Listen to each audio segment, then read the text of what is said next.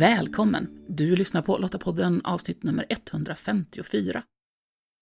Det finns många anledningar till varför man blir Lotta, men anledningen att man fortsätter vara Lotta i år efter år efter årtionde. Det brukar de flesta säga är på grund av gemenskapen och möjligheten att utvecklas genom till exempel utbildning och övning. I det här avsnittet möter du Ester som varit Lotta i många år och som engagerad i ett militärt avtal men också i sin kårstyrelse. I Lottapodden får du möta personer som på olika sätt bidrar till att stärka vårt samhälle.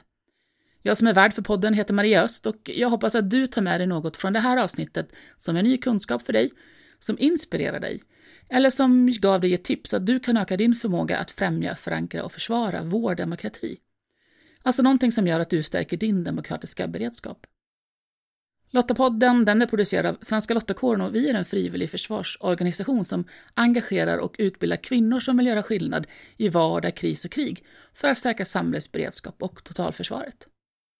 Häng med in i samtalet med Ester och hör vad det är som gör att hon är Lotta och vad som hände i samband med marinens 500-årsjubileum. Ester, välkommen till Lottapodden. Tackar. Du, lite kort, beskriv, vem är Ester? Jag heter då Ester som sagt och är Lotta sedan många, många år tillbaka. Eh, jag har eh, militärt avtal för närvarande. Jag har gått en fruktansvärt massa kurser under alla dessa dryga 40 år som jag har varit Lotta. Jag har jobbat inom staten rätt mycket. Nu närmast, eller just nu, så är det något som heter Konkurrensverket. Och där jobbar jag som registrator och det har väl delvis fått jobbet tack vare att jag var Lotta. Mm. Med det här med ordning och reda Just och sådana saker. Så jag har väl haft mycket nytta av min Lottautbildning genom åren. I övrigt, vad är det jag? Jag sitter i styrelsen Stockholms marinlottakår eh, sen ett par, tre år, nej tre, fyra år tillbaka. Ehm, jag är gift och bor här på Södermalm. Gillar att läsa, gillar att resa, vilket har varit lite svårt de senaste åren med pandemin och så. Mm. Så vi ska försöka ta igen det lite grann. Just. Väldigt korta drag. Men du, jag är lite nyfiken då. Varför blev du Lotta då? Ja, det var inte av några fantastiskt ideella skäl eller fosterlandskärlek eller någonting så. Det var rena, rena rama, jag var en pojkvän som skulle göra lumpen på Berga. Mm. Och eh, då tyckte vi väl att det var ett bra ställe då att gå kurs samtidigt för då kunde vi ju ses. Ja, ah, just det. Fast tills den kursen började så var ju det där slut. så att, eh, men jag blev kvar. Mm. Jag blev fast med lottorna mm. och gick eh, tre år på raken. Grundkurs, befälskurs 1 och befälskurs 2. Det här var i mitten på 70-talet så att det var lite ja. annorlunda än idag. Så var det därför det blev marinen också? Du hade ja. inte någon annan liksom, kärlek till havet? Jo, men havet har jag alltid gillat. Mm. Och jag vill inte vara i armén. För jag vill inte vara ute i skogen. men, äh, men det var nog ja, det var lite, lika delar. Och, och, varför är du kvar som Lotta då? Ja, det kan man ju fråga sig. Det är väl det att det har väl givit en himla massa genom åren. Mm. Dels har jag träffat en fruktansvärt massa trevliga människor. Duktiga, kunniga. Jag har varit, haft väldigt, väldigt roligt. Och kanske mindre roligt också, precis som det är i livet i största mm. allmänhet. Men det är väl det som har berikat väldigt mycket. Mm. Att komma ut på övningar, komma ut på utbildningskurs, utbildningar av olika slag. Och som det var förr i världen då så var det Lottaskolan. Man var mm. borta hemifrån i tre veckor per sommar. Mm. Och det var liksom, ja, det var roligt. Vi hade kul. Det var nära till skratt och det var, det var väldigt mycket prat och sådär. Mm. Men gemenskapen tror jag mm. och utbildningarna, det är väl det som har gjort att man har stannat kvar. Mm. Du nämnde ju också att du har fått med dig mycket som du har kunnat nyttja i ditt civila liv, mm. arbetsliv. Då. Vad, mm. vad, är det du har tagit med dig då? Ja, det är väl framförallt det här med ordning och reda tror jag. Att var sak har sin plats och kanske också lite grann att uh, vara lite lyhörd för, för order uppifrån så att säga. Mm. Samtidigt som man får försöka tänka själv. Mm lära sig att prioritera saker. Det är, väl, det är väl den största biten tror jag. Mm. Och nu har du ju också då klivit in i styrelsen sedan några år tillbaka. Mm. Hur ser du på det uppdraget? Varför är det viktigt? Jo, men det är viktigt att vi har någonting som inte är bara militärt. Vi måste ju ha en förening och föreningsliv också. Och någonting för våra, alltså för, för våra lottor att göra när vi inte är ute och krigar, om man nu får uttrycka sig så. Och det är väl det. Men tyvärr så har det ju varit lite kärvt med gemenskapen personligt så här, träffas de senaste åren. Så vi har försökt att köra lite Zoom-möten och så. Men det är inte riktigt samma sak. Så Nej, verkligen inte. Det är skönt nu när vi kan välja. Precis, så nu är det väl hybridmöten snarare. Ja. Och det är väl också lite kul för då kan man ju bjuda in lottor runt om i landet också, inte bara de närmsta i Stockholm. Så det är, det är mycket positivt tycker jag i alla fall. Ja, ja men verkligen. Vi har ju lärt oss en massa under de här två åren som verkligen har gynnat oss. Och jag vet att det är flera kårer som har nämnt att de helt plötsligt får kontakt med medlemmar som inte har varit med förut. För nu finns det möjlighet för dem att, att delta, för de har inte haft möjlighet att komma fysiskt. Nej, men det är det att då sitter man hellre hemma framför skärmen och är med än att behöva kanske åka 10 mil dit och 10 mil hem. Det, är liksom, det är inte så kul alla gånger. Så att, nej, jag tycker att det vi har lärt oss någonting. Det tog väldigt kort tid egentligen att ställa om. Förvånansvärt nog. Först gick nej men det här med teknik, det funkar aldrig. Det kommer aldrig att gå. Och sen tog det tre veckor så var allt på plats. Ja. Det kändes, ja kanske var lite längre tid, men det kändes att det gick väldigt fort. Ja. Och det var väl positivt. Man var ju tvungen så att Ja. säga. Jag tänker att vi lottore är vana med att ta tag i problem och, och lösa, se lösningar. Ja, min man brukar säga det att om vi, kommer, om vi åker någonstans och bor på hotell eller något sånt där. Så säger du boar in dig på en gång, du vet precis var du ska ha dina saker. och det är väl lite så, man, man, vet, man tar sin lilla hörna på förläggningen och så sitter, det där, där är jag. Ja. Så att det, ja, det, det, det är väl liksom sitter i ryggmärgen lite grann att man ser till att ha det bra runt omkring där man bor så att säga. Mm. För det är ju dit man ska ta sig efter en övning och re, re, vad heter det? Återhämta sig. återhämta sig. Tack! Precis, återhämta sig efter en övning eller vad man nu har gjort för någonting. Så att det är viktigt att man har sin lilla hörna. Och du nämnde ju det att, att föreningslivet är ju viktigt just för att medlemmar ska känna att de är delaktiga oavsett om de har valt att utbilda sig för ett avtal i en myndighet eller inte. Precis. Men du har ju valt då att utbilda dig för ett avtal i Försvarsmakten. Mm. När jag hur- började så fanns det inget annat. Nej. Det var ju det. Det var ju bara militära avtal som han gällde då. Och det är väl... Ja, jag ångrar absolut inte det, men jag kanske hade valt annorlunda idag om jag hade haft möjligheten.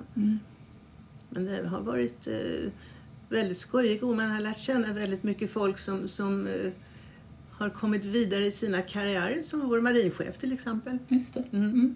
Och Henne träffar man väl tidigare i livet också sådär, så att ja, man har liksom följt dem lite grann. Det är lite roligt också det här med att, att det har blivit kvinnor i försvaret på ett helt annat vis. Ja, verkligen. För att när jag började en gång i tiden så var det lite grann sitt i hörnan där och gör det du ska men framförallt håll tyst. Mm. Nu är man ju med i arbetet på en stab på ett helt annat sätt. Mm. Och det är faktiskt mycket positivt. Och, och vad är din roll i ditt avtal? Vad gör du? Jag är stabsassistent på marinstaben Mm. på högkvarteret. Ja, just. Och vad är det som, vad, vad gillar du med den rollen? Ja, det är väl det här med lite spindel i nätet. Mm. För det, det är väl... Ja, man får väl veta saker först, Mm. kanske. Förhoppningsvis i alla fall. Det är väl lite det. Och sen utveckla vad, vad är det som har hänt för någonting och varför. Vad kan vi göra? Mm. Informationsinhämtning och bearbeta det och skicka det vidare så att säga. Så det är väl det som är lite spännande. Så. Ja. Och övningar och insatser har ju skett över åren i lite olika varierande grad beroende på hur hotskalan sett ut. Nu är ju omvärlden eh, värre igen. Men vad, alltså vad har det gett dig, just övningarna under åren? Så vad, vad har varit roligt med dem? Variationen tror jag. Allt ifrån, eh, ut, ja det har ju faktiskt varit ute i skogen i tält också, till att bo på båtar, bo på lyxhotell, bo på sämre hotell, bo nere i någon förläggning nere i berg någonstans. Så det är liksom bara den, att anpassa sig till miljön Ja. är ju en bit. Och sen ska man försöka utföra ett jobb också. Ja, just det. Och det har väl, ibland har det varit utmanande, väldigt mycket, kanske lite för mycket. Men an- för det mesta har det väl varit som jag förväntade mig att det skulle vara. Och sen beror det på vad jag kan också. Ja, såklart. vad jag får göra. Mm. Just det. Det hjälper liksom inte om man sitter tyst och, och väntar att arbetsuppgifterna ska komma till en utan man får ju liksom göra någonting för att se till att man får dem också. Men du, du är ju medlem då i Stockholms marinlottakår, Mm. en av de, var det två stycken marinlottakår tror jag Ja, vi jag tror har det i är år. två eller tre. Ni har ju varit inblandade i marinens 500-årsjubileum i år. Yes. Vad har ni gjort? Vi har varit med i Galärparken borta vid eh, Nordiska museet, Vasaskepp, Vasaskeppet. Mm. Eh, och där hade vi ett informationstält och eh, försökte haffa folk, vilket vi lyckades med rätt duktigt. Mm. Och informera dem om lottorna och om frivilligheten överhuvudtaget. Och vi fick väl ett 20-tal nya medlemmar under de Wow. två dagarna Ja. som var. Och jag tänker att det finns ett helt annat intresse nu med tanke på vad som Ja, pågår det, i omvärlden. Ja, det gör det ju också. På, på gott och ont Ja. kan jag väl säga. För att det goda är att folk intresserar sig och vill veta Mm. mera. Det dåliga är väl kanske att eventuellt så drar man till sig fel, Mm. fel sorts intressen så att säga. Mm. Och dessutom när det väl kommer till att man blir lotta, att man ska gå utbildningar så tar det väldigt lång tid med Mm. säkerhetsprövningarna. Och då kanske folk tycker att, nej, hm, tappar lusten lite grann. Ja. Så det är en liten bromskloss för vår del. fall. Och det är inte bara för lottorna, det är överhuvudtaget Ja. för frivilligheten. Men, men det var positivt, det var fint väder, det var gott humör och det var som sagt en lördag, söndag. Så det var, ja. Mm. Och sen så hade vi faktiskt ledigt på, på svenska flaggans dag, eller nationaldagen då. För det här var 4-5 juni. Och så var det vanligt tåg upp till Skansen med fanor. Lottorna var med också. Och sen på tisdagen den 7 så avtäcktes det en minnessten på Skeppsholmen. Eh, Man hade eller ja, marinen försökte göra lite rolig, eller fick en rolig idé. De eh, hittade en sten någonstans, jag kommer inte riktigt ihåg var, och den klös på fyra delar. Och åtminstone i Stockholm så var kungen med och avtäckte Mm. stenen på Skeppsholmen. Och den står precis vid kanonbatteriet när man kommer Okej. över bron till minne av 500 år. Jag tänker att det- var en del fartyg. Det var Som en gick att del titta på. fartyg. Det var Mm. en hel del fartyg. Jag vet inte om man fick ombord på alla. För man hade vissa restriktioner. Dels var det pandemin och Mm. dels var det säkerhet. Mm. Eller om det var i omvänd ordning. Mm. Men en del fick man ju gå ombord på. Och man hade plockat fram gamla båtar också. Så att det var parad på den 7 juni nedanför i Nybroviken. Här. Eller Kul. nedanför slottet. Mm. Det är inte Nybroviken, nedanför slottet. Mm. Så att det var kul att se. Gamla, gamla båtar och nya båtar. Ja, just det. Mm. Men jag tänker, i kåren då? Jobbar ni utifrån ett marint tema eller, eller hur, liksom, hur tänker ni? Vi gör nog inte speciellt mycket just marint så. Vi, klart, vi gör studiebesök på båtar, vi studiebesök, har gjort studiebesök på Marinstaben. Eh, vi kommer att göra studiebesök på Sjöhistoriska här under hösten. Och vi har kåraftnar med, med sjötema på de som kommer till oss, våra Mm. gäster. Det har nog varit lite grann att vi, har väl försökt att samla folk oavsett. Ja. Men vi har försökt att få det så att det ska passa alla istället. Just det. Mera. Och dessutom gör vi väldigt mycket med både Stockholms flyg och Stockholms armélottakår. Eller. Stockholms lottakår heter Mm. Så att eh, vi delar ju lokaler också så att vi försöker vi samordna en del Ja. kurser och utbildningar också. Ja, men det är väl jättebra Mm. att kunna jobba tillsammans och, och ta en del var. Precis. Jag hoppas på det i alla fall. Men, men jag tänker ändå marinen 500 år, det är ju och s- en, en väldigt stort firande som marinen har haft. Mm. Vad har det ändå betytt för er som kår att kunna vara med och hjälpa till? Det har betytt en hel del tror jag.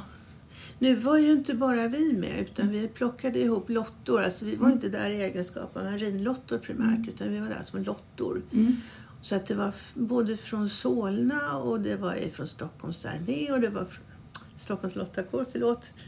Eh, det var från flyget och det var vi och det var ja, te, nej, vad heter det, Östermalms lottakår. Det var bland, helt Mm. blandat. Och det var väl det som var kanske det roliga också, Mm. att det inte bara var, var en kår. Mm. Så att vi, vi gick i lottornas tecken för rekrytering och framförallt då information. Mm. Så att det inte blev bara till oss. Ja men det är jättebra, för jag tänker då fick ni ju möjlighet att nätverka mellan kårerna också, även om ni samtidigt bjöd in allmänheten. Mm. Jodå, vi hade många glada stunder. Ja. Nästan så vi pratade mer med varandra stundtals.